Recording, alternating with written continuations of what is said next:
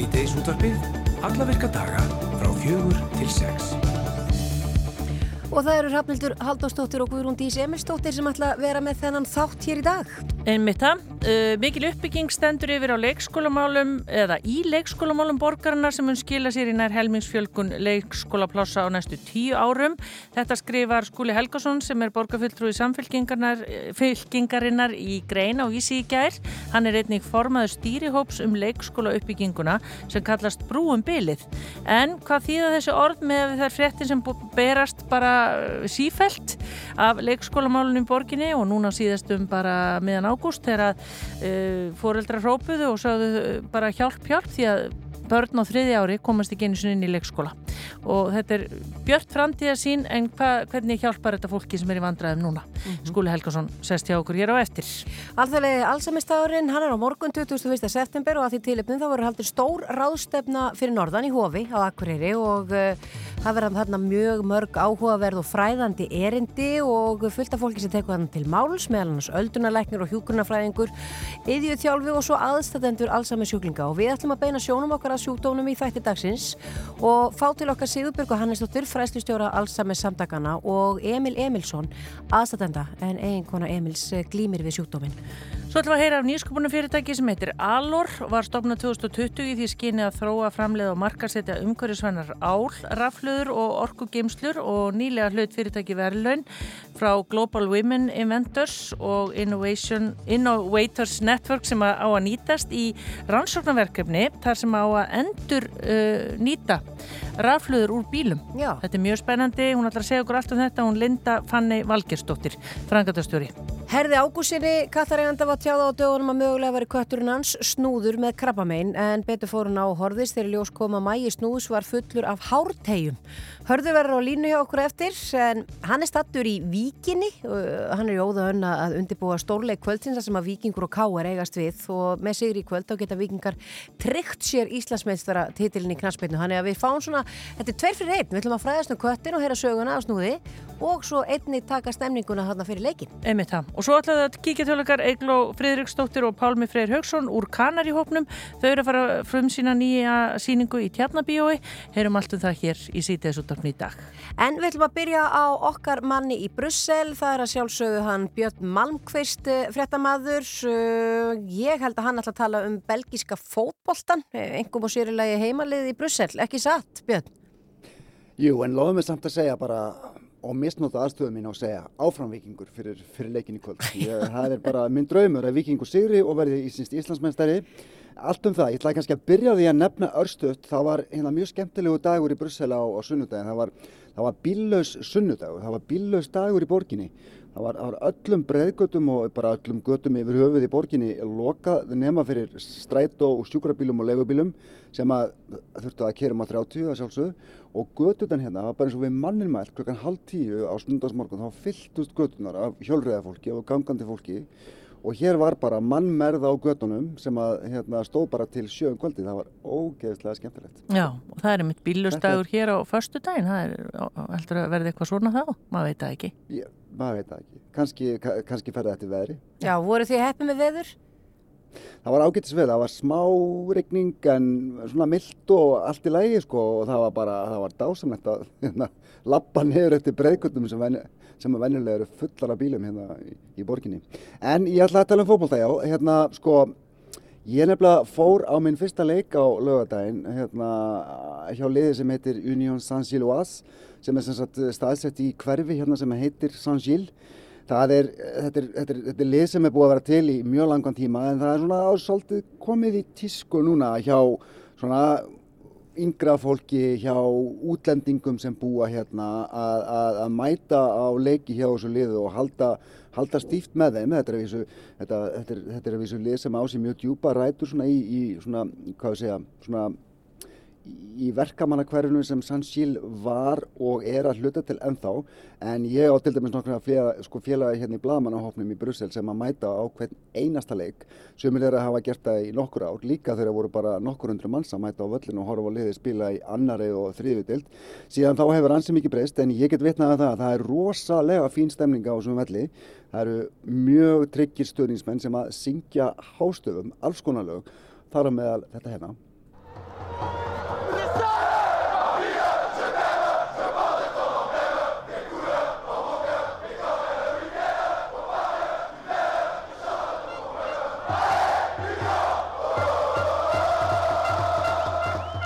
Þetta er sem sagt, uh, það er kannski erfitt að, að hérna, greina orðarskil í þessu, í þessu lægi en þetta basically gengur út á það að, að Brussel, borginni mín sem ég elska, ég ber litina við hjarta mitt og þegar helginn kemur þá syng ég fyrir liðið þitt, áfram Unión.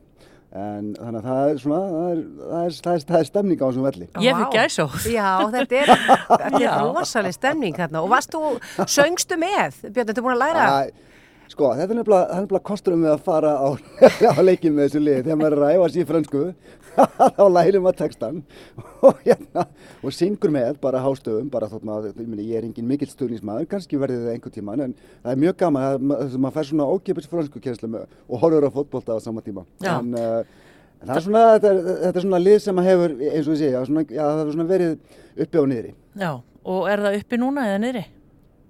Sko, það er, ah, já, sko, deiltir er náttúrulega nýbyrjuð, þannig að það er nú kannski ekki mikið að marka, en kannski aðeins meðum það á eftir, sko. Þetta lið var stofnað 1897 og þetta var mjög sigur sælt lið svona í gamla daga, ekki síst svona á þriðja og fjórða áratug síðustu aldar og það er, uh, sko, þá var það belgísku meistari þrjúar í röð og það er ennþá haft í minnum og ég hef séð uh, stöðnismenn ganga um í, semst, í, í, hérna, í bólum sem að minna á það afreg að, að, hérna, að á árunum 33-35 á síðustu öll þá sigraði liðið 60 leiki í röð Vá. wow. ykkur. 60 leiki í röð. Það er svakalegt. það er, það er met sem að enn hefur ekki verið slegið allavega ekki, sko, ekki, ekki Belgíu og verður mögulega aldrei slegið og ég veit, ég meina, þú veist, kannski bara hverki en, en það, það fór hins vegar að halla undan fæti svona uh, á árunum eftir setni heimstyrjöld liðið svona var að rokka á milli tilda og sjötta og sjönda áratugnum og svona held þessu áfram uh, og bara fyrir svona tíu árum síðan þá var liðið þriðutild inn í Belgíu. En hvað, svo fór að byrta til, eða hvað? Það er svo, já, svo nefnilega gerist það sko 2018 að, að það er, það er, þetta er, svo- þetta er svona svo lega að það er sérst bresku pókerleikari, pókerspilari, hann heitir Tony Bloom sem er náttúrulega orðin miljardamæningur, hann grætti svo mikið í póker og fór svo á fjárfesta. Hann kefti hluti í þessu liði í San Gil og, og lagði pening í reksturinn. Hann sagt grætti mjög miklar uppæðir á pókermótum og lagði í fjárfestingar árið 2009 þá kefti hann nefnilega þá, þá var hann aðalegandinn í Brighton liðinu í, í, í, í, Breitlandi sem er núna spilar í efstu deild. Og eftir að hann kefti þessi San Gil þá fór, eh, sem þá, þá fór hagulið að vængast mjög mikið. Það, það fór að koma leikmenn frá Brighton til að spila í Brussel og, og ég meina liðið hefur líka sérst, haft, haft peninga til að kaupa unga og snjalla leikmenn frá ýmsum ríkjum í Afríku. Það eru síðan dæmi um að slíkir leikmenn hafi farið áfram til Bretlands þannig að Unión virka líka svona eins og stoppistuð fyrir unga og efnilega leikmenn sem vilja auðvitað allir spila í, í, í, í, í heimsins bestu dild í, í Breitlandi. Þannig að það fór að ganga betur og fyrir tveimur árum síðan þá voru þeir komin aftur í eftir í Belgíu þar sem þeir spiluðu alveg eins og meistarar nánast allt tímabilið og, og það voru bara, þú veist, ásmiðarnir voru allir uppseldið, það voru ekki séns að komast á völlin og stúkutur eru alltaf fullar. Svo veturinn 21-22 þá spilaði þessi sliði gríðarlega vel endur því öðru sæti. Í fyrra voru þeir líka mjög nærði að, að sigra en töpuðu eftir mjög dramatískan lokadag í belgísku, í, í belgísku deildinni. Þá voru þeir að spila við liði sem er frá Brugge eða Brús sem er nú gamalt og gott Íslandalið sko lið sem Íslandingar hafa sótt til. Á meðan að Genk sem er annað lið hérna í söður uh, Belgíu var að spila við Antwerpen. Og það var bara þannig að byggarinn var einlega bara á leiðinni í þyrlu til Brussel. Og það átti bara að fara að grína sko Sanchil uh, mistara, þá, þá breytist staðin í þessum leikjum, þannig að Antwerpen endaði sem mistari. Ég var þarna á þessum degi sko í vor fyrir utan bar í, í, í Sanchil hverfinu í Brussel og það var ótrúleg stemning og maður getur bara rétt ímynda sig hvernig það var á vellinu. Já, og þú fóst og þinn fyrsta leik á lögadaginn. Uh, Það lítur Já, að hafa verið eitthvað. Það var mjög skemmtilegt, það var svaka fín stemning eins og ég er búin að vera að segja frá. Og og reyndar tapaðist leikurinn gegn Genk, hann tapaðist 2-0 þeir voru ekkert sérstakir okkar menn í, dag, þeir heyrið að ég hef stressvæl tala um Okkar menn. einu sinni fyrirverandi vallarþulir í víkinni. Já, já. og hérna á morgun þá er þeir að spila nefnilega í Evrópdeildinni gegn Toulouse frá Fraklandi sem er Ah. náttúrulega stórvið ah, og svo spilaður gegn Liverpool heima og heiman það er náttúrulega algjörlega uppselt að þannleik hérna í Brussel og kannski sjans að fá miða í Liverpool. En kannski spillir aðeins ánæginni að, að, sagt, að Unión það þarf að spila í Anderlecht sem er náttúrulega útkverfi hérna í Brussel. Af því að heimavöllunum sem er í San Síl hverfinu hann uppfyllir ekki kröfur um, um leiki í alþjóða deildum svona ekkert ósipað þannig að þeir eru ekkert í ósipari stöðu og hérna og blikarnir í, í Kópavogi sem að fá ekki að spila sína hérna Európuleiki í Kópavogi og hvað þá og hérna náttúrulega að því að sko völlurinn þar uppfyllir ekki kröfur. Og svo líka alveg undir hælinn lagt að, að blikarnir geti spilað á, á lögutarsvellinum í oktober því að það er náttúrulega komin vetur á Íslandi. Akkúrat. ég las, ég las, ég las einhver staðar að blikarnir ætlu mögulega að spila í, í, í einhverjum bæ sem heitir Silkeborg í Denmörku þannig að sko stöðnismenn uh, Unión ættu nú ekki að kvarta þeir geta tekið tramminn yfir í Andelegt sem er bara útkverfi Brussel. En hérna þannig er nú það Já, að gaman, er mál. gaman að fá svona aðeins insýn inn í, inn í fótboltan í, í, í Brussel, Já. já, maður er ekki Þetta er mikið mjög inn í honum. skemmtilegt og mjög skemmtilegt og rosa mikil stemning, mikið af lögum sem að fólk er að syngja þarna, alls konar lög, sem eru aðeins ruttalegri heldur en þarna sem ég spilaði fyrir ykkur áðan. Eitt er að gengur út á að, að, að, að hérna, byrjum við, hvernig er textan aftur? Uh, Unión þarf ekkert að verða meistarar til þess að við drekkum fullt af bjór og verðum ógeðslega þunnir hvar sem að, að liði spilar í Belgíu. Þannig er nákvæmlega textin.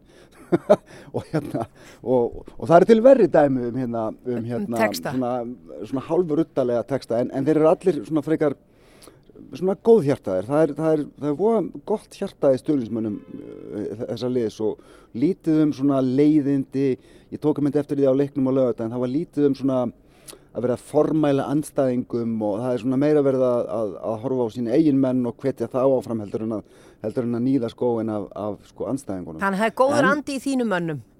Það er góður andi í mínum mönnum. Við skulum ljúka þessu á öðru lagi um Unión. Þetta er reynda lag frá sjötta áratögnum þegar að, þegar að Unión hefði séð svona bjartari daga en uh, liðinu áttu líka eftir að ganga betur.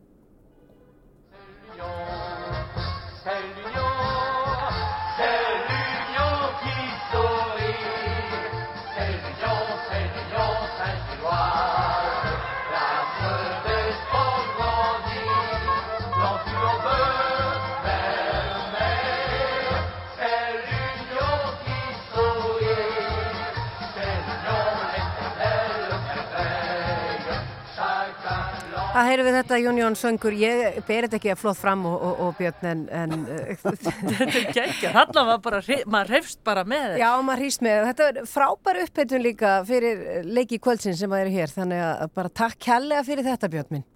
Takk fyrir mig og áframvikingur.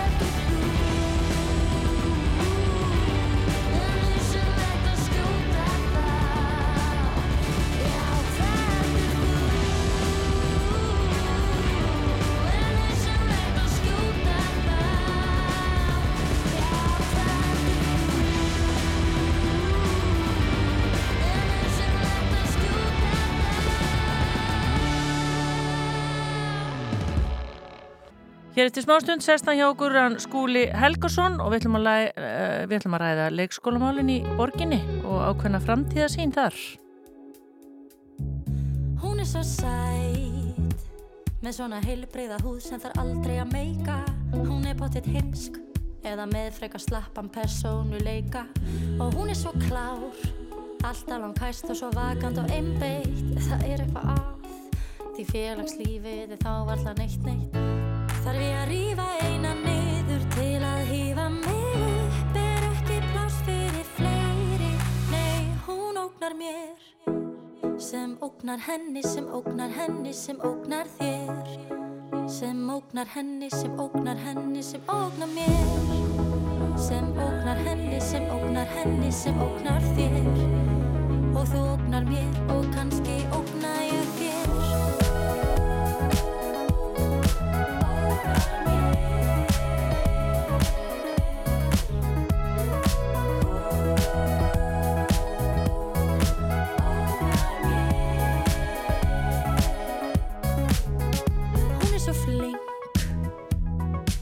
gítar og bassa sem strákarnir fíla. En ég hef nú heyrt að það sé svolítið erfitt við hana að díla.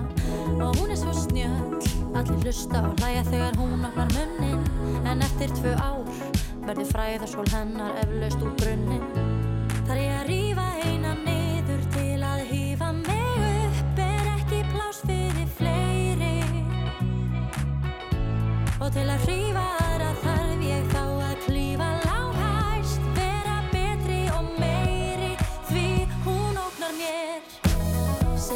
ógnar henni, sem ógnar henni, sem ógnar þér. Sem ógnar henni, sem ógnar henni, sem ógnar mér. Sem ógnar henni, sem ógnar henni, sem ógnar þér. Og þú ógnar mér og kannski ógna ég þér.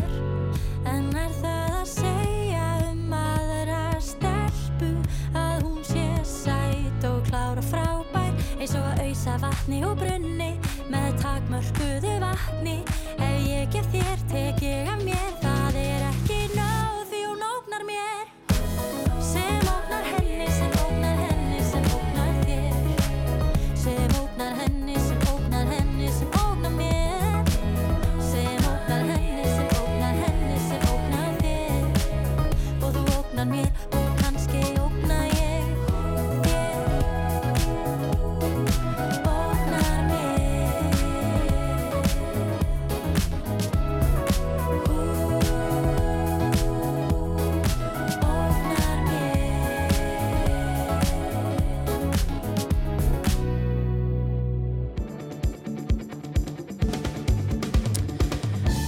nú oft og mörgursunum rætt uh, leikskólamál og vanda uh, í leikskólamálum í borginni hér í þessum þætti. Já, já, þetta er, þetta er, þetta er mikið á milli tannan á fólki, eðlilega, það er margir í vandræðum og, og það er búið að vera mikið um alls konar framkvæmdir og, og vesen bara Já. og síðast rættu við þessi mál við Hildi Björnsdóttir um daginn, þá voru verið að það það verður ennþá, ég tæplega 700 börn ekki komið með leikskólaplass frá 12 mánaða aldri.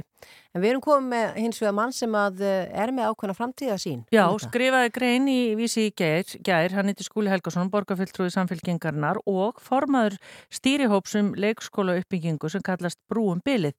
Og Skúli, þetta hljómaði, sko ég las þetta vel og vandlega í, í gær og það hérna mikil uppbygging stendur yfir í leikskólamálum borgarna sem mun skila sér í nær helmingsfjölkun leikskólaplásan á næstu tíu árum og uh, á, næst, á síðast ári voru 600 nýplás tekinni nótkun segir við þannig í þessari grein, þetta er sérst í uppásorðum greinarinnar, en hvað þýða þessi orð svona miða við þessa frétti sem að Guðrúndís var að nefna hérna áðan af ástandinu eins og það er núna og verður velkomin.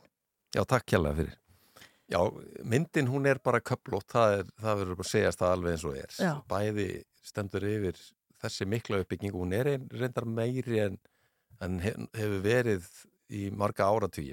Þannig að það hefur verið að taka í nótkun fleiri nýja leikskóla, það voru sem sagt sex í fyrra sem að ég var nú svona aðeins að fletta í gömlum bókum, ég fann ekki dæmi um neitt ári í 90 ára sögu leikskóla starfsem í borgina sem voru einsmarki leikskólar opnaðir á einu ári. Um, og þeir það, það er að koma sjö til viðbótar á næstu svona átján til 20 mánuðum. Já, og þar á meðal náttúrulega þessar ævintýra borgir eins og þið kalla þessi færanlegu það er sko, komið þrjár til sögunar í fyrra, svo fjórða mun opna núna á, á fyrir helmingi næsta árs um, og líklega svona tvær til þrjár í viðbót. En, en það er svona, við erum svona raun og veru að já, mæta þeirri stöðu að það auðvitað bara tekur lengri tíma að byggja venjuleg hús sem að er alltaf að standa lengi þannig að þetta er góð svona aðferð með fram hinnu. Mhm. En aðeins áður við förum í framtíðasínina og þetta var of bratt að fara að tala um það að öll börn eh, gætu fengið leikskólaplás frá 12 mánaða aldri. Já, sko, það sem að við vorum að byggja á þar var spá einmitt um, við óskuðum eftir því að borgin myndi vinna spá um það eh, hversu langt við kæmust niður í innritunar aldrinu meða við þann þessi fjölmörgu verkefni sem vorum að, að vinna í við að fjölga plássunum. Og út úr því kom þessi spá um að við ættum að geta náð neyri 12 mánuð aldur og með þess að eiga dálítinn afgang. Það sem að kannski eftir á að higgja voru eh, var ekki nægilega vel undibúið var að menn gerði ekki ráð fyrir alls konar ytri þáttur sem getur haft áhrif á þetta og það sem að rauninni gerðist var að það voru þessi miklu jarskjáltar varðandi e, viðhaldsframkvæmdir, bæði miklu og rakaskemdir og alls konar hlutir í gömlu leikskólanum sem að, að komið í raun og verið í bakið á okkur þannig að á sama tíma við vorum að fjölga plásum að þá fækkaði þeim mjög mikið í gömlu leikskólum á móti. Það þurfti að loka mörgum leikskólum og flytja börnin annað Mm. þar á meðal inn í þessi nýju plás sem við vorum að opna. og það er Það var ákveðin auðvitað eitthvað sem að menn sáu kannski ekki fyrir Nei. af því að þó að þetta sé gerist á hverju ári að það kemur upp eitthvað sem þarf að, að hérna, gera við þá, þá var umfangi bara markvallt, markvallt meira heldur en við höfum nokkuð tíma séð áður. Mm. Já, og Á er þetta ári. þessi vi, bara vitundavakning um það að uh, húsnæði getur verið heilsuspillandi sem að, já, kannski borgin verið fyrir barðin á að, að, að fólk fyrir átt að Já, segja því að ég þarna held eru... þetta sé sko, þú veist, hluta af þessu er þetta bara það að það var tímabil eftir hrun þar sem að viðhaldsmálunum var ekki nægilega vel sínt, það var bara einfall ekki til peningar, það þurfti að, að hérna, Fór á borga ís. fólki lau, Já. laun og með voru reyna að svona komið veg fyrir fjölda uppsagnir og svo framvegis á mjög erfiðum tímum. Þannig að viðhaldi bara mætti afgangi. Það, það þurfti bara að fórgangsraða með, með málum þannig. Mm. Og þetta er svona einhver sjö ár þar sem að staðan er svona, frá hrunni og fram til 2017 þá fer aftur að byggjast upp fjármagni viðhaldsframkandir en, en þessi sjö möguru ár að þau auðvitað, eru dýr sko. Og þú ert tóltinn tíma að vinna því gegnum þann skap. en ég menna En, E- en staðan Já, og er útlitið er, er auðvitað miklu betri núna hvað þetta varðar og, og þetta er ekki eins rosalega dramatíst sem sagt þau fjö- viðhaldsverkefni sem við erum að horfa á núna eins og voru í fyrra. Þau eru nokkur og þetta er alveg 360 pláss sem að nýtast ekki sem skildi en góðu fréttirnar eru þær að, að yfir 70% af þeim koma aftur inn í kerfið strax á næsta ári. Já. Þannig að sem betur fer þá klárast þessi viðhaldsverkefni hvert af öðrum og það fer að vinna mjög hratt með okkur og þá fara öll þessi nýju pláss að nýtast beint til Mm. þess sem að þeim var ætlað að, gera sem var að, taka móti nýjum börnum frá 12 mánuða aldri. En svo er það starfsfólki. Þetta verður oft uh, sko hljóma þannig að það er hérna eins og við tölum um þessar ævintýra borgir en svo er ekkit fólk Mhm. að fá. Hvernig lítur Já, það já, út? það er alveg hárétt að þessi mönnunamál hafa verið vandamál undanfærin ár og ansi lengi og svona mér finnst kannski, ég hef verið að benda á það að skýringin eins og hún lítur út fyrir að vera er öruglega þessi lenging á kennaranáminu 2008 uh, úr þreymur í fimm. Það sem gerist beint í kjölfarið er að aðsókn í kennaranámið hún hríðfellur og, og, og með mjög svona dramatískum hætti fer alveg niður um 75% á einhverjum árum. Það þýðir bara að það er að koma inn helmingi færri nýji leikskólakennarar í þau störf sem að losna þegar að hinn er eldri fara á eftirlaun. Og það er stóra skýringin á mönnunarvandanum sem við höfum verið að vinna með. En, en aftur, eh, þarna er svona bjartari horfur að því að aðsóknin hefur síðan verið að aukast aftur allra síðustu árin frá 2018 og mest núna e, hinn allra síðustu ár. Þannig að við erum loksins núna að ná svona svipuðum stað eins og var fyrir lengingu Já, en vissulega þarf að vinna líka þar upp ákveðin tapaðan tíma. já, En svona þetta, við sjáum aðeins merkjum þetta jákvæð líka að bara það eru færri stöðugildi laus núna heldur en til dæmis voru í fyrra Mm. sem þarf að fylla, þannig að þetta er að vinna með okkur líka. Verst er ástandið, er það ekki hérna í lögadalunum? Er ekki mest svona Þar eru aðkallandi? flest, uh, flestar umsóknir, Já. flest uh, börn á byggðlista en það er líka verið að koma inn með flest nýplást þar. Til dæmis, við vorum að opna núna hérna neyri við kirkjusandi á Hallgerðagutunni. Uh, Sáleiskúli bara var tilbúin í síðustu viku þannig að núna er starfsfólki að koma sér fyrir og hann opnar í, núna í byrjun oktober. Það eru 60 pláss og síðan í miðborginni við vörðurskóla kemur næsti leikskóli inn á, á fyrstu mánu nýsárs Já. og svo heldur þetta áfram það er fossugurinn, er, þar kemur nýr eh, leikskóli og við erum með nýjan í, breiðholtina á næsta ári og svo verið að stækka bæði í grafavóinum og í hlýðunum og síðan er vestubærin að koma inn sterkur líklega með eina tvo uh, á næsta ári. Já. En hvernig sér þið fyrir þó skúli að því að við vorum að tala um þennan barnafjölda sem að ekki komst inn núna í haust og þú ert að tala um að það eru nokkri nýjir að koma leikskólar og einmitt það verður náttúrulega búið viðhaldi líka á hinnum. Hvernig, hvernig náið þið að vinda ofan að þeim vanda og bara það eru foreldrar að núta hlusta sem eru að býða, hvað mega þið reikna með löngum tíma? Þetta er erfið Það spurning er hérna. alltaf mismunandi eftir í á hvað aldrei börnin eru en, en sagt, við erum að sjátt fram á það að þetta verður um 800 ný pláss sem að koma inn frá með sagt, þessum tíðanbóti núna og til loka næsta árs Já. og bygglistinn er hvað upp á einhver 650 í augnablíkinu en svo er líka þessi svona 260 pláss sem að við munum endur heimta út úr gamlu leikskólunum þegar viðhaldinu líkur þar Mm þannig að svona við viljum ekki gefa út einhvern einn tímapunkt af því að, Nei, af nei. því að hérna, myndin er, er flókin en staðan með við þetta ætti að verða miklu betri eh, næst, á næsta hausti Já, og ættu- þurfa þá ekki að óttast að það er allavega verið að vinna í þessum málum Já, það er þetta, verið að vinna mjög þjætt í þessum málum Já. og, og hérna, já, bara meiri uppbygging heldur en verið hefur mjög lengi og, og hérna við bara verðum með uppbrettar ermar þangað til að markinu náð. Við vorum að tala um það á skúli, sko. Við erum eiginlega búin að taka hérna sama viðtalið í við sem erum búin að vera lengi hérna í yfir 20 ára. Þetta verðist alltaf vera bara sagan endalösa. Trúir þú því sjálfur, sem hefur verið náttúrulega mjög lengi í þessu að vinna að þessum málum, að þið séu að sjá svona kannski fyrir endan með því að horfa svona til framtíðar, tíu ára tímabil. Trúir þú því einlega að þetta verði bara auðveldara fyrir komandi kynnslóðir að fá leikskóla Já, sem betur fer sko, annars væri ég ekki hérna, í þessum verkum, þetta er það verkefni sem að bæði tekur mest af mínum tíma og, mér finnst skemmtilegast af því að það er, það er gaman að sjá nýja leikskóla verða til, það var hansi langt tímabil, það sem að engin nýr leikskóli opnaði, Mm. þannig að þeir voru sex sem opnaði í, í fyrra og svo síðundi er að bætast við núna. Eh, og síðan jafnmarkir á, á næstu næsta svona einu og halva árinu þannig að þetta er auðvitað frábært að, að sjá þetta gerast og heilmikið bylting e, sem að svona, við munum uppskera um leið og þessar viðhaldsframkvæmdir e, minka Já, Mhm. þannig að já, ég trúi því einlega og, og er sannfærir um að, að við erum að þókast hratt og vilji rétt átt. Skúli Helgason, takk fyrir að koma til okkar í, í sítiðurspið. Takk hella fyrir. Is it that ice cold Michelle?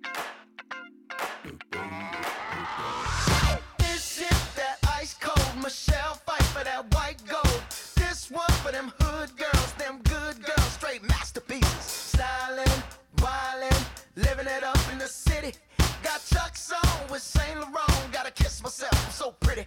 I'm too hot. Call the police and the fireman. I'm too hot. Make a dragon wanna retire, man. I'm too hot. Say my name, you know who I am. I'm too hot. And my band bought that money. Break it down. Girls hit you, hallelujah. Girls hit you, hallelujah. Girls hit you, hallelujah. Cause Uptown Funk don't give it to you. Cause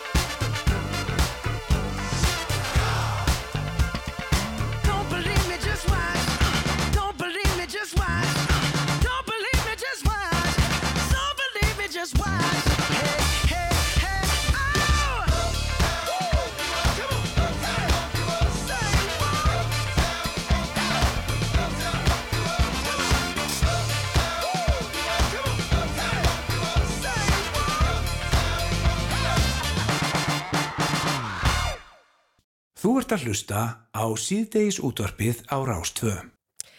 Við ætlum að næstu mýrundunum að fara að fjalla um grín. Kanarihópurinn er að fara á sviði í Tjarnabíó með glænýja sketsasýningu og uh, við ætlum að fá að forvitnast aðeins um málið. Við erum búin að auglýsa að uh, hinga myndi til okkar koma Pálmi Freyr Haugsson og Eigló Hilmarsdóttir uh, og hinga verður þau komin, komið sæl. Já, takk fyrir það, Pálmi Já. hér Takk. Þú ert ekki Eigló. Nei, ég er ekki eiglú. Það eru vörusök Það eru svik í gangi. Ég var nú að segja, ég var aldrei séð þetta bara áður að við komin inn og það bara gæði Lægið er búið, kom aftan, aftan Og segja bara, já, já, ekki mál Já, góðan Já, við erum komin aftur í Já. útsönd Því líka Þetta er stemming. hérna bara svona gert á Já, tempói. já, við ágáðum að kippa ykkur strax að því að Já, ég meina við gerum þetta sjálfsögðu á færibandi. Já, Það er- þið eru fagmenn. Þannig að það sem við vinnum við, bara svona sem þið vinnum við að búa til brandara. Já. Mhm, Einmitt Þið vinnum við að Og venjulega þegar við búum til brandara þá gerum við það þannig að við segjum Lægi er búið! Nei, nú sprakk allt Herðu, Stefán ringir í þau eftir. Þetta var hærra en þetta átt að vera. Vá, Vá, ok. vá, við verðum Ég, réð ekki neitt við neitt, það kom bara Já, já, Ég talaði á Þú er búin En að ég ætla eðilegja 10.000 útvörp á Íslandi. Já, nú eru einhver reyður í bílnum Já, sínum. fyrirgefið, ég öskraði Þetta er, ástæð, þetta er ástæðan fyrir að við vildum fá eikló Já, Hún hátt- aldrei öskra já, já, en hvað? Voru ekki allir bra- brandara búnir? Hvernig gáttum við fundið nýja? Uh, við löðast þetta fælt og skrifum og skrifum og skrifum og brandar hann alltaf klárast aldrei. Þannig að við, við gerum sýningu einhver tíman í COVID. Ég hreinlega man ekki hvenna svo sýningu var Já, það er svona tvö ár síðan. Það var á milli serían okkar, þá gerðum við sýningu. Já, og hérna nú Ég er að hækka og lækka. Já, Já, Happi er bara í er stressi Ég mun ekki spyrja mikið, já. Nei. En sem sagt, þið hafið náttúrulega verið með þættir ykkar kanari hérna á Rúf og svo verið með þessar sýningar. Hver, hver, hver er munurinn á þessu? Er skemmtilegur að vera að gera sjómanstætti, sketsaþætti eða vera upp á sviði? Frábær spurning það er uh, svo mikill munur á þessu báðum sko. núna er rosa gaman að vera á sviði út að við erum að gera það og það er svo gaman líka að vera með fólk fyrir fram að sig sko. út að Mhm. ja, ef maður gerir eitthvað fyndið þegar maður takur sjónvarsláttinn þá er maður bara eitthvað, vá, ég hlaka til eftir átta mánuði þegar ég kemst Já, að því hvort að akkurat. þetta var fyndið eða ekki út að Já. það er engin, við erum búin að fara yfir rosa oft en síðan fær engin að sjá það fyrir búin að klippa það allt saman Mhm. en sviðið er náttúrulega rosa skemmtilegt það sem þetta er bara svolítið uh, á stað og stund Já. Já. það er, þú veist það er náttúrulega ótrúlega gaman að skrifa hérna. við erum alltaf að skrifa ógisla mikið skemmtum okkur ógisla vel við það og líka sjúklega, það er náttúrulega meiri pressa í hérna kvikmyndaframleyslunni bara svona aðeins meiri tímapressa, þetta er aðeins meira lús á Akkurat. sviðinu um, og aðalatriðið er kannski, þú veist, að maður getur verið miklu meira flexible og organic á sviðinu Já. Og hvernig ætli, er, er það að spinna þar eitthvað eða er þetta bara, þetta er bara þið, þið eru löngu búin ákveða þetta en þið eru þá kannski með eitthvað bakkuplan ef einhver uglast? Eh, Já, já, þetta er svona uh, við, erum, við erum búin að skrifa þetta og þetta er svona spjalltátsformat sem við ætlum að, að kynna þarna en Mhm. þetta er náttúrulega svið og við erum vöðun spunuleikar þannig að það gæti verið svona spuna element í þessu Í þessu. Já, það kemur klárlega einhver spunni já, já, já. Ég sé hérna, sko, þetta er svolítið eins og Saturday Night Live og vikan með Gíslamartinni myndu eignast barn og barni var í leiksýning. Já, Já. það væri já. nú ekki leðilegt. Þetta er svona ástandsbarn Já, þetta er ástandsbann. Hefur, hvað ætli að vera með marga sýningar? Við erum uh, núna bara með nokkra sýningar í sölu þrjár en það er verða fleiri frammi í nóvember en það er gott að tryggja sem miða sem fyrst út af því að uh, hún verður ekki endalaust við ætlum að vera með sýningar kannski í nóvember en síðan uh, erum við að fara svona í sikkur áttina en við veitum ekki hversu lengi og í Tjarnaby eru oft sýningar bara Já, þétt. í skemm, já svona svolítið þett sko Mhm. þannig að uh, þetta er ekki, þetta, ég, ég held að vera ekki svona 150 sýningar eins og hjá nýju lífi sko Nei, nei. Nei, en ég, ég er aldrei. Ég- Hver veit? Maður veit kannski verður þetta sögulega hæsta sýning allar tíma Kannski. Já. já, kannski verða þúsund sýningar, ég veit það ekki Herðu, við bara hlökkum til að, að sjá uh, hveti fólk til þess að kíkja þetta. Ég er náttúrulega bara búin að sjá þættina sem að voru á rúf. Þeir eru. Alltaf skemmtlegir, þannig að það er að horfa það aftur og aftur, þannig að maður getur kannski farið aftur á þessa sýningu. Hvernig var það aftur, af hverju heitið Kanari?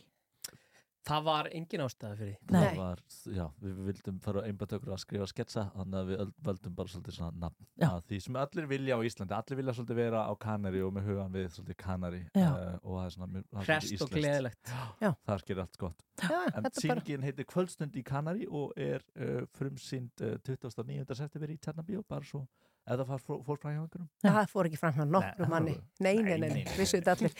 Herðu, Guðmundur Einars og uh, Pálmi Freyr, takk fyrir komuna. Já, takk Takk hérlega fyrir að fá okkur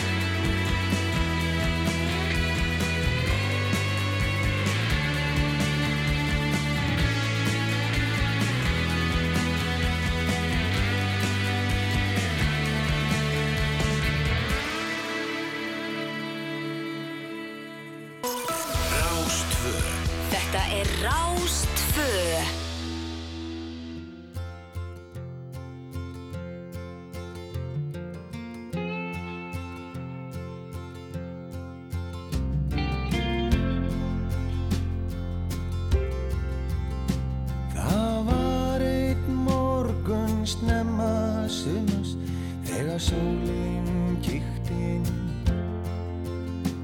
Ég satt við gluggan með kaffið,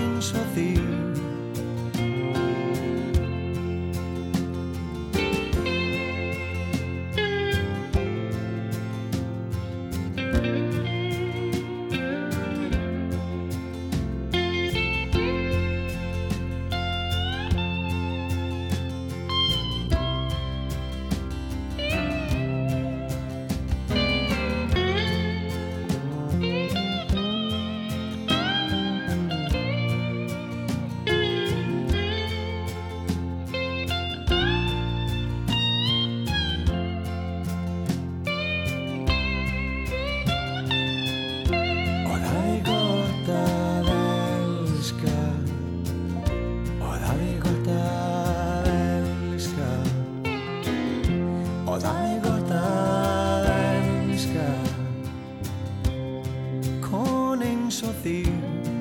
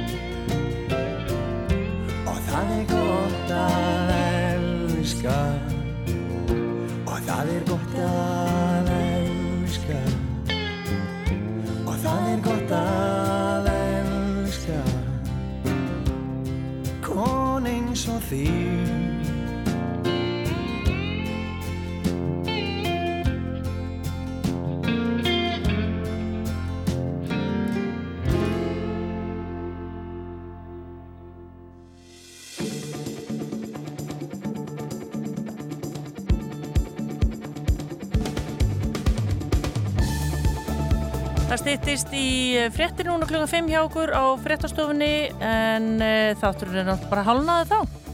Hann er bara hálnaði þá. Við ætlum að fjallum eitt og annað hérna eftir. Við ætlum að fjalla um allsæmistægin. Alþjóðlega allsæmistægin er á morgun 21. september og þá á að uh, blása til ástöfni í Hofi og Akureyri og þar verða mörg fróðuleg og áhugaverð erindi og við ætlum bara svona beina aðeins sjónum að þessum sjúkdómi sem hræðilega sjúkdómi hérna á eftir uh, og fá til okkar uh, hana Sigurbjörgu Hannesdóttir, hún er fræðslustjóri allsami samtakana og svo Emil Emilsson sem er aðsatandi. Einmitt það.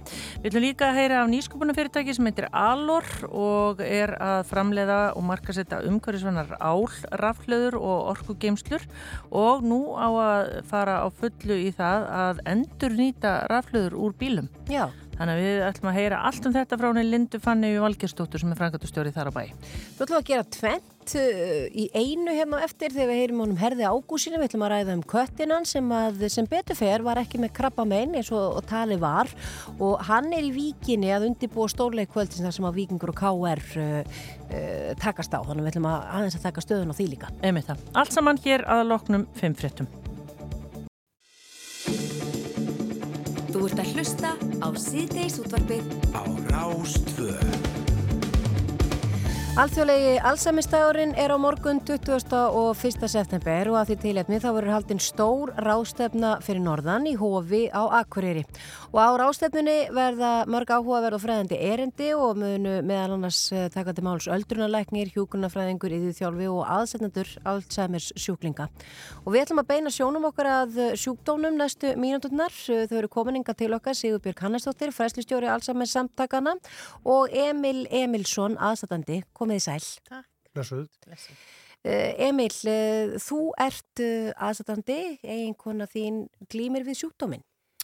Já, mm, kona mín uh, vektist sennilega fyrir tíu árum eða svo.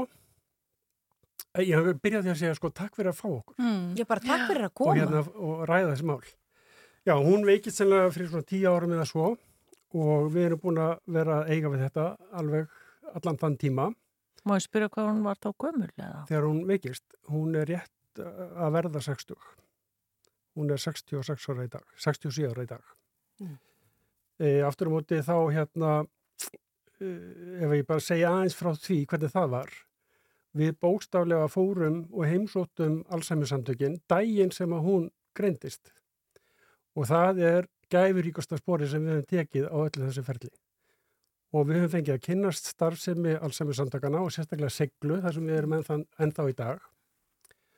Og það hefur einst okkur alveg ótrúlega, ótrúlega vel. Og segla er bara svona einhver fyrirmynd sem við þurfum að, að skoða. Þú kannski segir meira frá seglu hvað, hvað það er. En, en þannig hefur þetta verið hjá mér. Já, en hvernig stóðu því að þið fóruð að því að eh, maður hugsa sko fullt, fyrst fær fólk svona þetta sjokk og kannski hefur ekki bara kraftin eða þróttin til þess að ymmit leita eitthvað og fá, fá Já, ráð. alveg rétt, alveg rétt. Eh, sko, auðvitað er þetta mjög einstaklingsbundið og ég held að sko, stærsti verkurinn í þessu öllu saman fyrir þann sem veikist og aðstandendur, það er að viðurkenna ekki að þið hafi fengið greininguna, að viðurkenna ekki að þið séu að takast á við þennan vanda. Við vorum aftur mótið það heppin og sérstaklega bara þá vegna konna minnar að hún er svo opinskáð með sinn sjúkdóm að þetta var ekkert vandamál. Og sko ef það er einhver ein leiðbenning sem maður ætti að gefa fólki, þá er það þetta. Vera opinská með sjúkdóminn, upp á borð með allt saman og ekki fela neitt. Kona mín er þannig þegar hún fyrir hún, herði, ég er með getur hjálpa mér í gegnum klefan. Eða ef hún er á fundi þá brettur hún upp hönd og segir, herði fyrir ekki, ég er með getur talað hans hægar. Þetta skiptur alveg rosalega miklu máli. Já. Þetta viðþorf. Bara reynd út með það. Reynd út, upp á borð með allt saman, þá verður lífið svo miklu, miklu einfaldara. Sigurbjörg, er þetta feimnismál? Verða, verða þeir sem greinast með Alzheimer bara feimnir og, og, og skamma sín fyrir það? Já, oft er það þannig að, fólk vill ekki tala um þetta eða, en, en það fylgir náttúrulega þessum sjúkdómum sem herja á heilan að maður kannski er ekkit alltaf með innsæ inn í eigin getu og maður getur kannski ekki bara sagt að maður sé með heilabiln og því maður finnur ekki sjálfur fyrir enginunum. En það er einmitt eins og kona þín, hún, hún, hún segir svo flott frá þessu og þetta stiður hana í þáttöku í daglegu lífi. Því að þegar maður fær sjúkdóm sem herrir á heilan þá þarf maður ofta að fá stuðning við bara flest allar aðtapnir daglegs lífs Mhm. og þá erum við að tala um mynd að fara í sund eða s- svinna áhuga málum og koma sér á milli staða, elda mat, bara allt sem við gerum svona dagstæðlega. Mm. Hvað eru margir á Íslandi með Alzheimer? Það eru nú bara reynilega ekki til neina tölur um hversu margir eru greindi með heilabölinu sjúkdóma á Íslandi en það er verið að vinna í því að útbúa slíkan gagnagrunn en það er svona áætlað um 5.000 manns síðan með heilabölinu sjúkdóma. Já. Og Alzheimer er svona algengasta tegundin af, af, af sjúkdóminn sem er hjá heilan en, en svo eru náttúrulega fjölmarkar aðra tegundir sem eru með önnur enginni heldur en, en glemska eins og sem margir tala um. En hérna, það sem við ætlum að ræða á þessar ráðstöfnu á morgun uh, sem verður í hofi er, er þessi þjónusta úrræði fyrir, fyrir fólk með þessu sjúkdóma.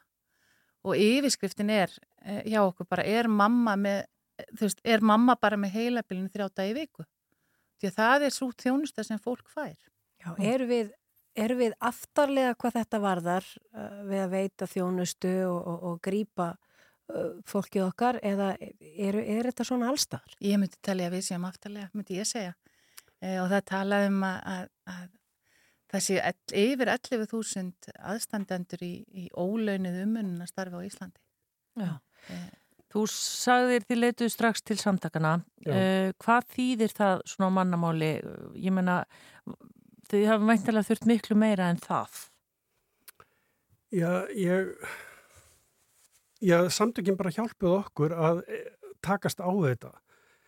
Ég tók þátt í stefnumótana vinnu fyrir uh, Alzheimer samtökin núna um daginn og ég var að reyna að velta fyrir mér sko hvaða reglíf get ég nota til þess að lýsa því sem að er gert í seglu eða sem fer fram í seglu.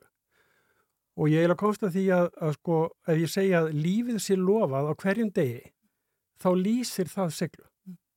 Þarna finna uh, skjólstæðingarnir umhverfi þar sem geta uh, fundið kröftum sínum viðná með viðjöfandi hætti. Þannig er engin dóði og þannig er engin sko deburð, þannig er gleði alla daga og, og ég held geti bara náðast fullirt að allir sem koma út af seglu þegar henni er lokað á daginn, þeir eru að springa úr gleði. Og það er alveg ótrúlegt að fylgjast með þessu starfi. Mm, en þegar þið spyrja hvort við séum framalega aftalega með, með að aðra þjóðir, þá held ég að þetta sko, það feir bara eftir því hvernig við miðum. Uh, til dæmis uh, starfið sem að unnið er hjá allsæmissamtökunum er til fyrirmyndar. En það er gert líka öðru, í öðrum löndum, eins og í Skandinavíu og Norður-Evrópu, þá er þetta gert mjög vel, en öðru lönd er þetta miklu verra. Já, ég var að horfa á þáttin í gæri í sjónvarpinu Söngfuglar með heilabilun sem er náttúrulega bara stórkosluðu þáttur í Mm. tveimur hlutum og ég hvetnum bara fólk til að hlusa, horfa á hana þátt að það trilluðu bara niður tárin þetta er alveg magnað að sjá bara hvað tónlistin og söngurinn getur gert fyrir þá sem eru með heilabilun e, Þar kom meðal hans fram og í viðtali við ykkur aðstæðnendur að að ef þú greinist með krabbamein eh, og nú erum við að tala þetta um Breitland að þá ertu gripin að einhvern hátt þetta er alls konar sögur þar líka en þegar þú greinist með heilabilun að þá er bara svolítið fjölskyldan einhvern veginn eh, með þetta á sínum herðum Hva, hvað segir þið um þetta? Já, þetta er með er dæmi frá Breitlandi Það vantar alveg klárlega að fólk fái þennan stuðning strax frá greiningu eins og Emil er að lýsa. Að, að bara strax sem að fær þennan, þessa sjúkdómsgreiningu þá fari maður sjálfur og, og svo fjölskylda og fái ráðgjöfum næstu skref án þess að enginu þurfa ekkert að vera orðin það mikil en, en maður viti bara hvað maður stendur frammi fyrir og hvað þjónusta er í bóði og hvað úrræði er hægt að nýta sér. Hins vegar eins og Emil var að tala um segluna að þetta er svona nýtt þjónustu úrræði fyrir fólk með, með, sem er nýgreint eða með væg enginni heilabilunar og við opnum fyrir svona rúmu, ég hafa svona einu og hálfu ári síðan. Og þetta er alveg eh, nýtt úrræði sem að þyrst að komast bara í, alla landsluta eða á fleiri stöðum. Því að þannig er fólk kannski nýhætt að vinna, komið með þessa sjúkdómsgreiningu eh, er farið að einangra sig heima, eh, þó vill ekki fara út meðal fólks.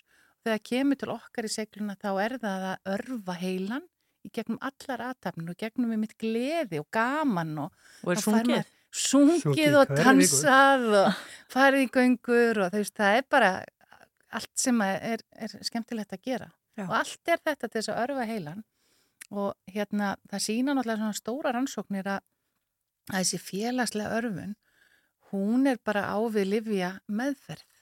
Eh, að það, það, hérna, það gerir það að enginni koma setna heldur en, heldur en mögulegt er. Það er engin lækning við, við heilabilina sjúkdómum en, það er hægt að vinna með því að senka enginnum. Þú talar einna um það að þetta þurft að komast í alla landsluta að því að nú veit maður mjög mörg dæmi þess að ef fólk er að greinast með heila beilun, kannski smerri þorpum að þá lenda þau bara inn á hjúkurnarímum Mm. eða inn á eins og maður myndi segja elli heimili og, og svo leiðis og kannski eiga enga veginn heima þar svona, svona uh, mögulega ung.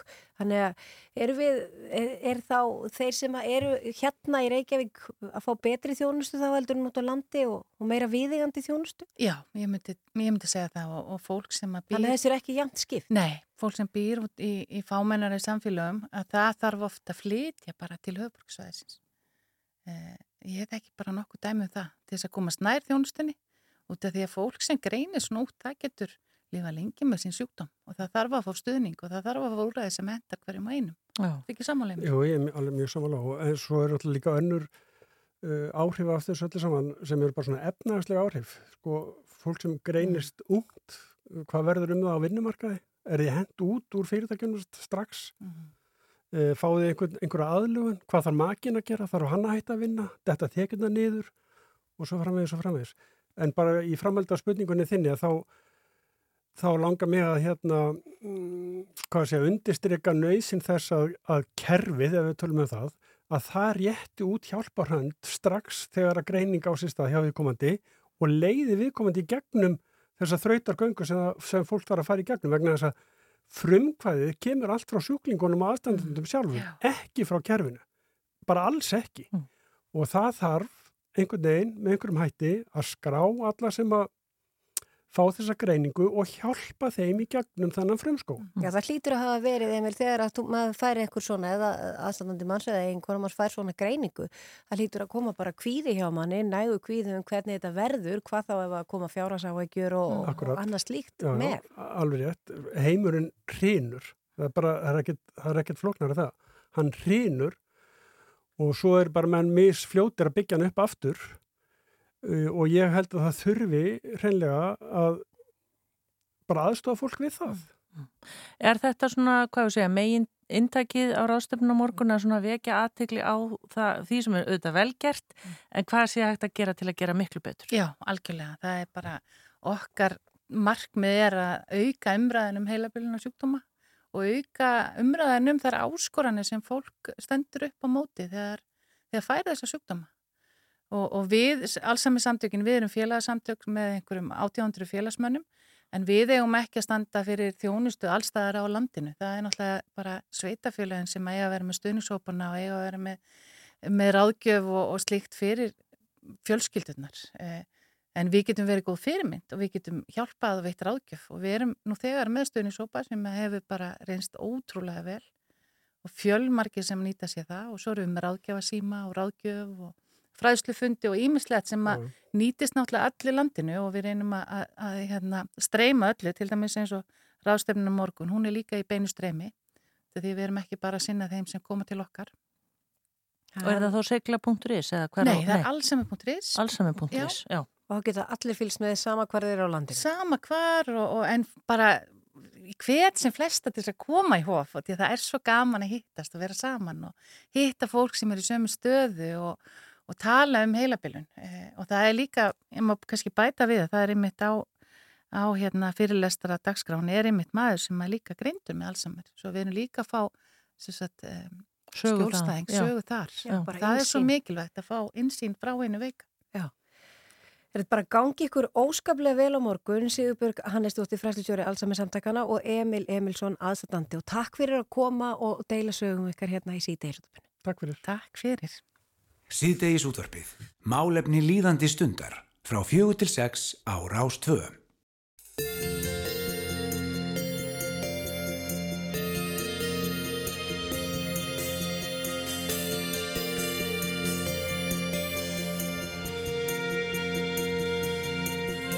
My friend's gonna call me hey dreamer The stars are watching us so far Tonight I've laid on the bus right to my star But then there are things you just don't know. In spite someone's told you're so cute You have to ask and I will show. The snow in the summer on so-so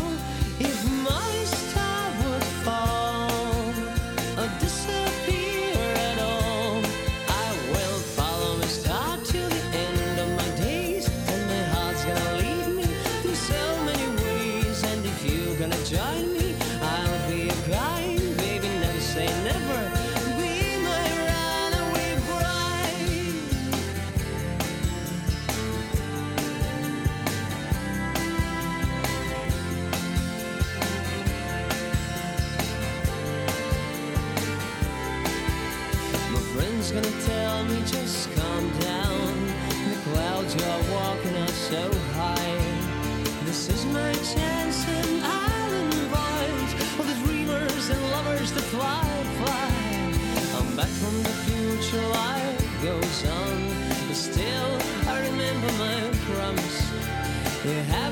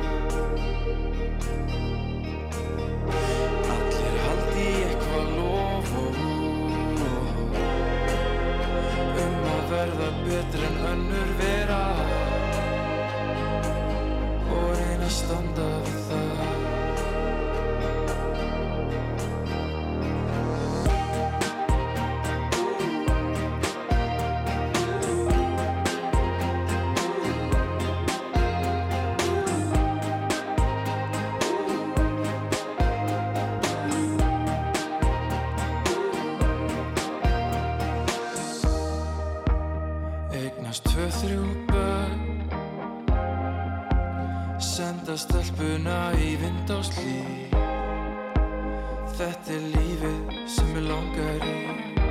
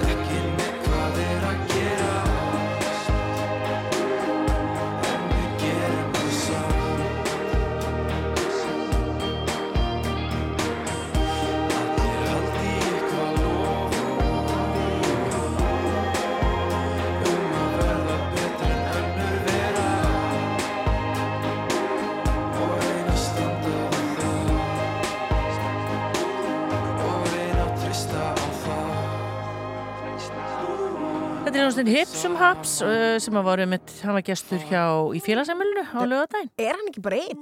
Jú, hann var bara einn og hérna Hann þeir fær með sér eða ekki einhverja svona... tónlistamenn. Já, Já. hann magnaður. Já. Svo eh, líka að því að þetta heitir Hipsum Haps, það er að því það er bara svona Hipsum Haps hvernig tónlistastílan er í hverju sinni. Já. Það er ekkert að segja að hann er í þessu, þessu þessu, hann, hann gerir bara eitthvað. Einmitt, það. Uh, hún er sest hjá okkur, hún Linda Fanny Valgesdóttir sem er frangatastjóri fyrirtæki sem heitir Alor og við rákast á okkur að frétt í einhverju, blaðinu, einhverju bla, blaðinu í vikunni þar sem að var að vera að segja frá þessu merkilega fyrirtæki. Þetta, svo fórum við aðeins og googluðum okkur og við höldum að þetta sé rétt hjá okkur að þetta var semst stopnað 2020, er það rétt hjá okkur Linda? Já, það er hár rétt. Já, og það var stopnað í því skinn að þróa, framleiða og markasetja umhverjusvænar ál, rafhlöður og orkugeimslur. Þetta Já. er líka rétt. Þetta er rétt, en, en við erum búin að hérna, breytum fókus Já. síðan uh, við byrjuðum. Oft þannig í nýskupunni að hérna, maður byrjar einhvers þar og, og svo leiðist maður á aðra breytir og það er akkur þannig hjá okkur. Þegar við byrjum að hérna, þá erum við einblýna á álaflöðuteknina og hérna byggjum upp þekkingu sem er ekki til á Íslandi í tengslu við rannsóknir og þróun á raflöðutekni. Svo eftir því sem við förum að tala við hérna stofnanir og fyrirtæki þá sjáum við mjög fljótt að þörfin er bara hér og nú. Þannig að það var kannski ekki svona mikil, hvað ég segja, þólimaði bara til þess að býða eftir lausnum sem að ættu eitthvað eftir í þróun. Já. Þannig að við höfum svona ákvæðið aðeins að, að hérna, uh, útvika fókusin, eins og maður segja. Og erum núna annars vegar að, hérna, undibúa það að vera svona mm, að sér sníða lausnir sem, sagt, sem byggja bara á þekktri raflöðutekna á markaði fyrir fyrirtækjastofnanir og þetta eru þá svona stóra lausnir. Overbatteri, sagði einhver um daginn. Þetta, er svona, þetta er til dæmis alveg upp í gámastærðir og svo er hægt að raða gámum saman. Uh, Hliðtengja og raðtengja alveg eftir hérna behag, eftir hvað þú hefur mikið pláss í rauninni. Þannig að þetta er svona oft notað í ímiskonu tilgangi, til dæmis til þess að hérna, sem varafl í staðist á að nota dísel hérna, rafstöðar í þeim tilgangi. Uh, og eins til þess að hérna, fletja eða draga úr álagstoppum til þess að lækka verð fyrir stórnótendur og uh, eins til þess að virka endur nýjanlega orkugjafa eins og vind og sól til þess að geima og sapna orkunni saman. Já. Meðan hún fram, framleiðist. Og er þetta búið að vera mikið tekið eins og til dæmis sem vara stöðvar í staði fyrir dísel að því að til dæmis sjúgrásin okkar, þau Já. hljóta þurfa að vera alltaf á varaafli, varamagnin fer. Og rúf. Já, rúf, jú, jú, það eru er fleiri Hárrétt. svona stofnari sem þurfa þær. Eh, Þannig er einhver dæmi um það að, fólk er að kaupa þetta í staðinn? Já, það eru dæmum það, sko, hérna, þetta er halveg hár rétt hjá okkur og þessir aðlega sem bara mega ekki missa úr eina sekundu í, í ramasleysi, þeir þurfa líka bara mjög áræðanlega lausnir og hérna þess vegna hefur hafa díselveldunar verið ákjásulega kostur, líka svona uh, verðlega sé.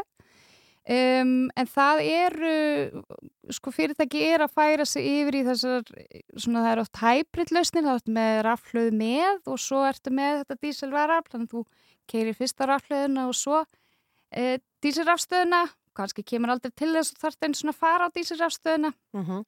Þannig að hérna, já, ég veit til dæmis að, að neyðalín hefur hérna verið að vinna með svona hybrid kerfi. Og hérna en ég held að sí, það geta verið miklu fleiri á Íslandi og það er greiðalur áhuga á þessu. En það hlýtur þetta að vera framtíðin því að við hljótum öll að hætta að nota dísil.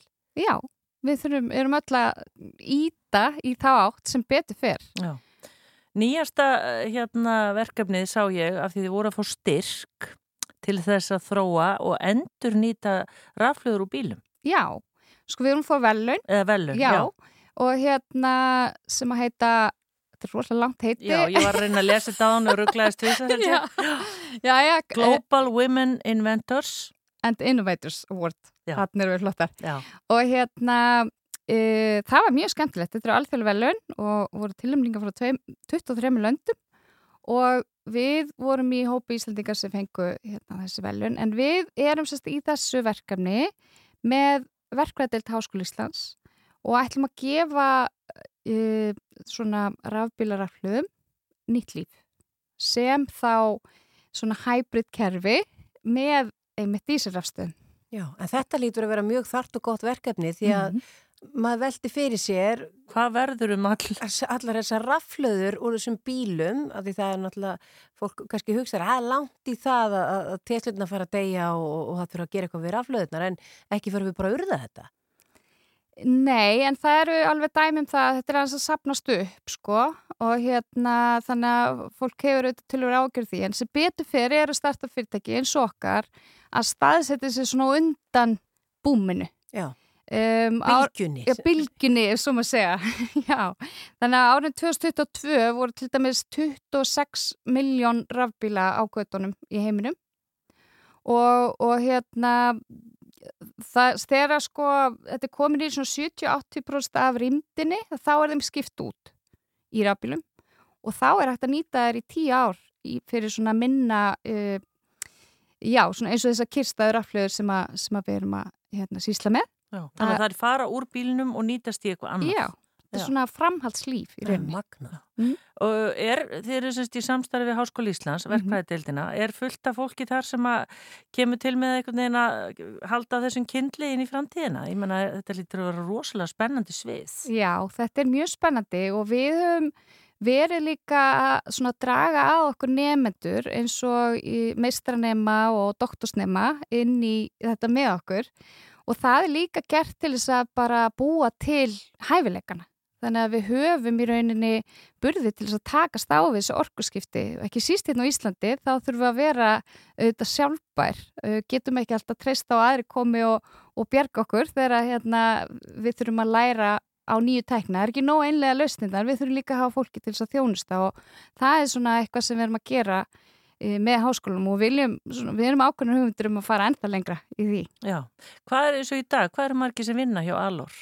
Við erum þrjú í dag um, en eh, sko erum með mjög mikið af góðu fólki með okkur, erum, búin að, erum að sapna að okkur ein, eins konar stórskotaliði, ef svo má segja, af fyrirtækjum sem að hérna munu svona geta hjálpa okkur að, að svona fá þann slagkraft sem við þurfum til þess að geta bóðið upp á þessar, þessar uh, mikilvægu lausnir, hratt og vel og hérna við finnum bara ótrúlega meðbyr með því sem við erum að gera og, og áhuga. Þannig að hérna já, við erum að tryggja okkur alls konar hérna, samninga við samstagsæðla, við uh, viðskiptavinni sem að ég get ekki sagt frá núna Nei. en kannski næst Já, við munum fylgjast með þessu. Og þið unnuð að því við vorum í viðtalitni í fyrra dag mitt við Sigurvegaran og nýskupuna kefni Samorku. Já. Þá unnuð þið þessi velinni fyrra. Já. Já.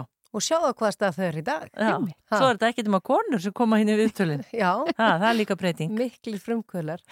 En við lögum til þess að sjá alor vaksa og, og, og dafna og blómstra og uh, já, við þurfum að epla líka unga fólki okkar í að fara og sinna þessum störfum í framtíðin. Um þetta. Takk kærlega fyrir kominninga Linda Fanni Valgistóttir, sangatastöri Alor og bara gangi ykkur vel. Takk fyrir.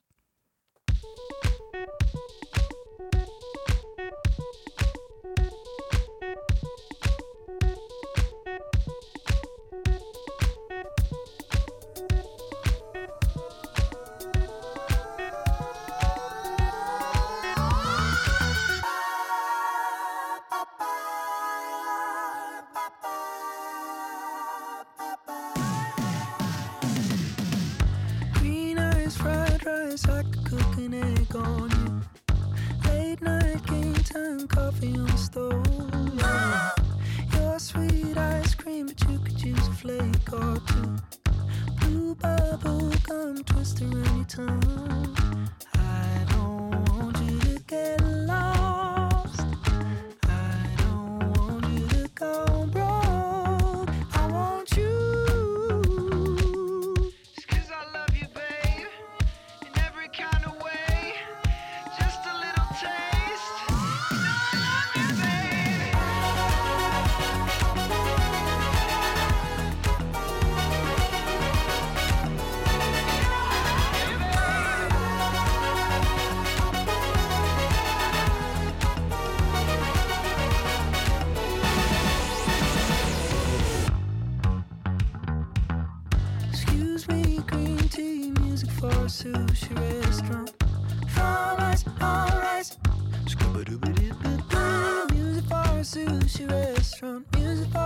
useless.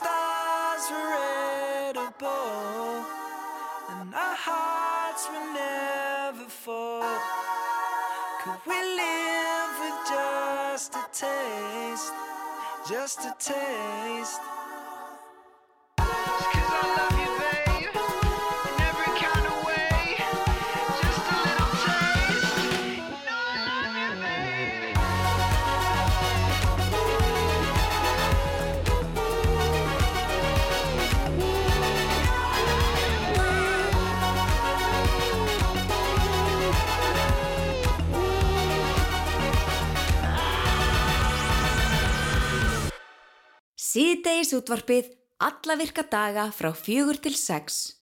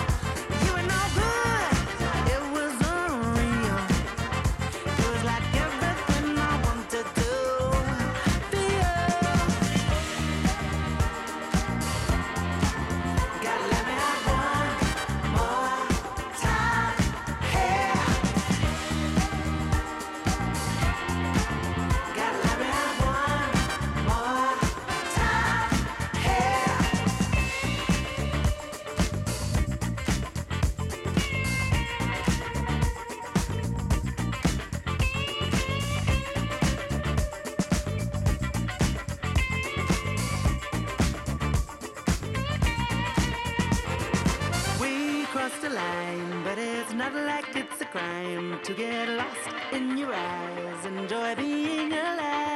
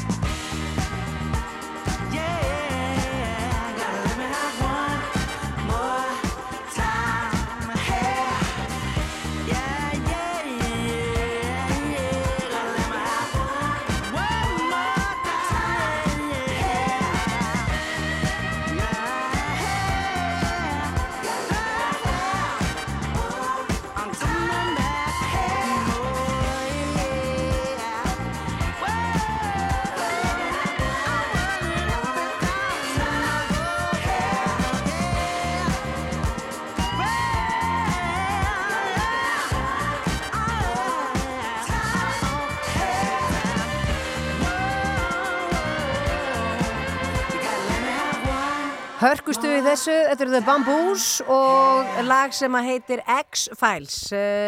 Herði Ágúsinni Katarinanda var tjáð uh, þá dögunum að mögulega væri kötturinn hans snúður með krabbamein.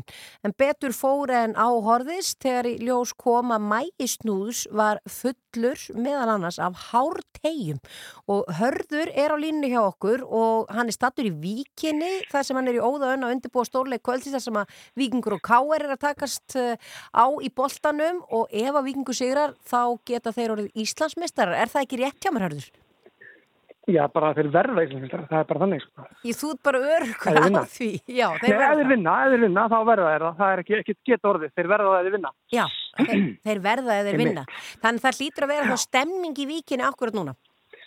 Já, já, fólk byrjaði að mæta nú þegar, sko, einum hálfum tíu fyrir leik og er allt komið í gangetinn í vík og sól og blíða, bara, maður geti ekki beðið um betra, sko. Nei.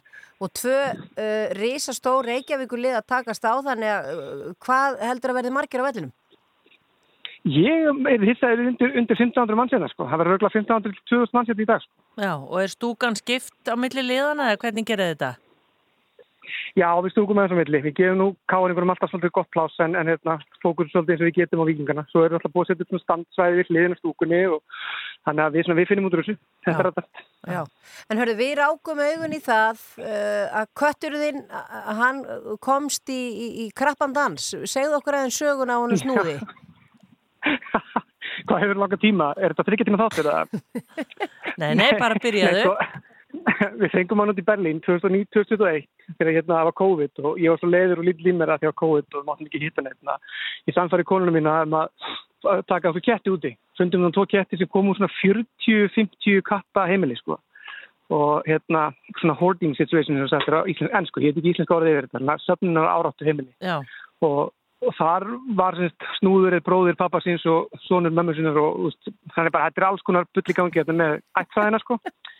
Og hérna þau eru svolítið sérstök bæði. Önnur, önnur er mjög lítil, hún verður aldrei stærri en kætlingur en snúður er, hann fekk ekki gáðurnar sko, þeim var ekkert hérna hlaðið og mikið á hann sko og hérna hann er alltaf verið að koma sér alls konar svona einhver ævintýri gennum tíðina sko, bæði út í Berlín og hérna heima, hann kveikti til með sísist í er hver, er ekki lent í því? Er þetta, er þetta innvennsl helduru sem hafa orðið til þess að hann var svona? Já, sennilega. Þetta er eitthvað tengsl og ættatrið er mjög flókið en það er ekki margir í því held ég sko. Þetta er fræðilegt að hljóma. Já. En svo já, svo komum við hérna heim með hann 2021 og, og þá tók bara við vist í hérna Betrunarhúsinu upp í Keflæka sem að kettir og hundar þeirra að býða í tvær ykkur og svo komum við bara heim og hann er búin að vera útiköttur og rosa hraustur og flottur og hafa gaman að lífinu en svo bara um daginn, fyrir svona kannski fjórum, þrem, fjórum mánuðið síðan, byrjar hann eitthvað svona að finka sér og mjálma til okkar sko, þess að hann væri bara alltaf að tala við okkur. Við heldum að hann væri bara eitthvað klikaður eins og snúður er sko, þannig að þetta er ruggluð típa og hérna, svo fór sval eitthvað svona þau honum, svona strúkonum með magan í fyrir dag, eða þeim dögum og fann þá eitthvað svona nýtt, svona hnúð svona tekildi Já. og, hérna, og þá fannst okkur hann svona, og leist okkur á blikuna og fórum með þetta dýralæknis og, og þá kom þessi saga svolítið og þá bara fengum við bara raunverulega áfall sko, sem að dýralæknin hún sagði okkur að þetta liti ekki vel út og setti hennar svip sem engi vil sjá sko dýrið dýri til læknis sko Já, það er bara með alvarlegan sjúkdóm. Já, væri bara, þetta væri bara búið sko, hreinlega og hérna, það var svona það sem var stemmingin, þannig að við förum í vinnuna með það svolítið svona hangað yfir okkur og mér langaði ekkert að koma heim á vinnuna og segja þeim að segja stelpunum mínum að snúðu væri, væri farin, farin upp í sveit og hérna, svo fengum við bara síntal frá lækninu sem sagði að þetta hefði verið, já, bara mesta magn, þær, þær, sko, þær fengu áfall á dýrlæknastofur Reykjavíkur þetta á grensasveginn, sko, þær bara trúður ekki, sko, aldrei séð svona mikið í maga dýrs áður, sko. Og þetta eru hártegjur. Já, hártegjur, plastbútar, uh, reymar og hérna, stætur okkar líka sterklega undir grunn, sko. Þetta er sennilega þeim, svona, ef maður er að kenna einhverjum um, þá er það sennilega þeim að kenna. Og hvernig Eh, þá? Það er það er að að skilja þetta eftir- um allt, eða hvað? Já, það er bara svo það er, það er allt skilið eftir um allt og tegjur er engin undanning af því, sko. En hérna, við vorum búin að ræða þetta margótt þegar við höfum síðan borðað tegjur genum, á, genum árin, sko. Og hann er með svona áráttu hegðun, hann tekur hann á og borðar hann eins og hann sé, sko, ég er ekki að lýsa, það er bara eins og einhvers konar fíkil, sko. Þetta er bara glamp í augunum og, og svona, hann hleypur með út í hotn og slæst við okkur og allt, sko. Þannig að hérna, kom svolítið óvart að, að þú veist að þetta væri svona mikið, þetta heldur með þetta væri kannski tvær, þrjá tegjur sem hann væri búin að borða í genum árin, en svo var ekki. En þetta hefur þá bara að skila sér út á réttum stað? Uh, hvað áttu við? Nei, ég meina, hann, hann hefur þá bara, hann hefur ekki þurft í aðgerð, eða ældan eða hvernig var... Jú, þetta ekki Nei, þetta hann, var bara, hann var bara svæður og skorinu upp og við vorum hérna, tókum hérna, miklum við bara netgýr og lán fyrir þessu. Þetta var 120 skona greiðsla og Já. En allt fyrir snúð, eins og við segjum, og hérna, það kom ekkert annað greina þegar það var möguleik bjargónum, sko. En Nei, nei. okkur bjóst kannski, byggust ekki við þetta væri ástæðan, sko. En þetta er kannski öðrum víti til varnar sem eru með gæludýr á heimilinu og uh, eiga, og þar eru síðhærður einstaklingar eða einstaklingar sem að nota hártegjur að passa upp á Mhm. þetta. Já, og láta bara ekki gummi og svona litla plastbita svona liggja á glambæk, þetta er ótrúlega fyrirlegt, en svo líka bara, við, og grunnir þetta líka komið úr, úr næri umhverfinu, sko. Þetta er ekki bara heima frá okkur og þetta er eitthvað svona syndróm, eitthvað svona áráttar sem ketti getur þróa með sér, eða fæðsnett, þannig að við fá svona áráttar höfðum í að borða plast og gummi, sko. Þetta er eitthvað þannig sem læknum sagði við okkur. En, en hvað getið þið gert núna? Jú, jú, þið getið börnin geta passað að vera ekki með tegjur út um allt, en ég menna, en allt hitt. Ég það er bara búið að reikna það út fyrir börnin okkar ef það, gerist aftur þá er það bara að dreyja við vassapinningu næstu 20 árana en, en úti þá er búið lítið þetta að gera sko. Þannig að það bara fylgist þú svo vel með honum þannig að raunverulega eina sem við getum gefið sem ráðir ef að kötturinn fyrir að haga sig mjög fyrirlega og borða rosalega mikið þá er eitthvað sem þarf að láta kíkja á bara gott að vita þegar eitthvað frávik verða í hegðun gæludís að heyri í dýrlæknum sko. Það eru það nokkuð ljóst að snúður er að fara að kosta ykkur fleiri peninga mögulega í framtíðinni ef hann heldur áfram Þetta er ekki búið. en allt fyrir snúð. En við, Allt fyrir snúð, takk fyrir þetta. Já, við ætlum ekki að trubla þið mikið lengur. Við fylgjumst að sjálfsögðu með þessum stórleiki kvöld. Viking, Vikingu KR í, í Víkinni í blíðskapa veðri og hvetjum sem flesta til þess að kíkja á völlin heldur betur, takk fyrir það, áfram vikingur Já, takk fyrir spjallið. Nú voru búin að Takk. segja, takk fyrir, nú voru búin að segja hérna áfram vikingur út í eitt, við höldum bara líka með KR. Það er búið Má að- ekki gera upp á milli. Nei, það er búið að segja það þrísvar það hefur aldrei komið út úr okkar munni Nei, nei, við ætlum að segja áfram KR, hvernig var aftur lagið? Já. Já. Við einhvern veginn, ég skil ekki dís, ég hef nú haldið til þess að kanari mennir Já, þeir hefðu kannski getað skotið því að, áfram KR. ég hef haldið að þeir væru mögulega búsettir í miðbænum eða vesturbænum Já. og væru þá káringar. Já, maður hefði haldið það. Já, en, en við við bara hitt svona á. Þetta er alls ekki viljandi gert og við byggjum káringa afsökunar náttúrulega á þessu. Já, en ég er að horfa á myndina af öllum tegjunum og öllu plastinu sem að snúðu borðaði, Já. hérna sem kom í þessari grein. Ég aldrei séð annað eins. Nei, ég, veist, ég hef aldrei séð annað eins. heldur. En svo skrítið sko, eitt er að naga en að kingja og borða. Já, Vá. og þær eru nokkuð heillegar. Þetta er Teygnar. ótrúlegt. Og reymar líka. Já. Þetta er, Þetta er svaka. Hann snúður, þetta er ekki síðaskitt sem að mann borða tegju.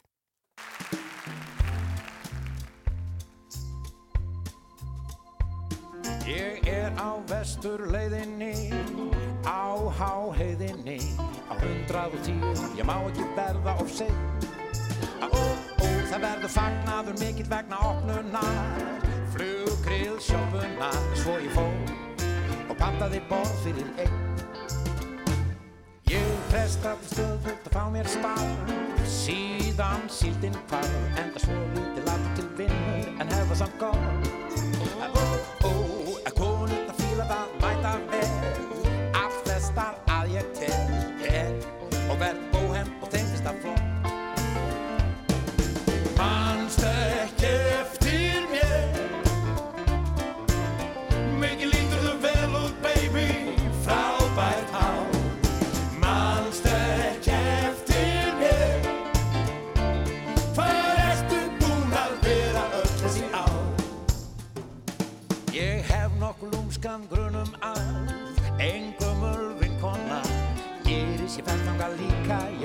Sín.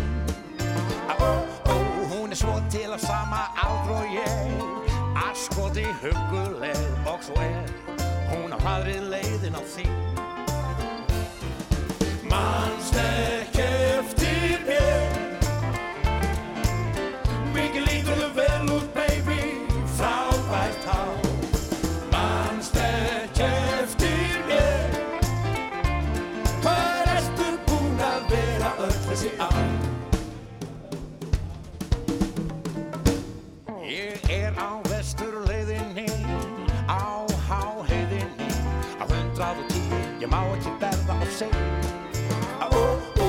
og fagnaði mikill vegna opnunar. Flug, grill, sjöppun hans svo ég fó og pantaði borð fyrir einn. Mannsteg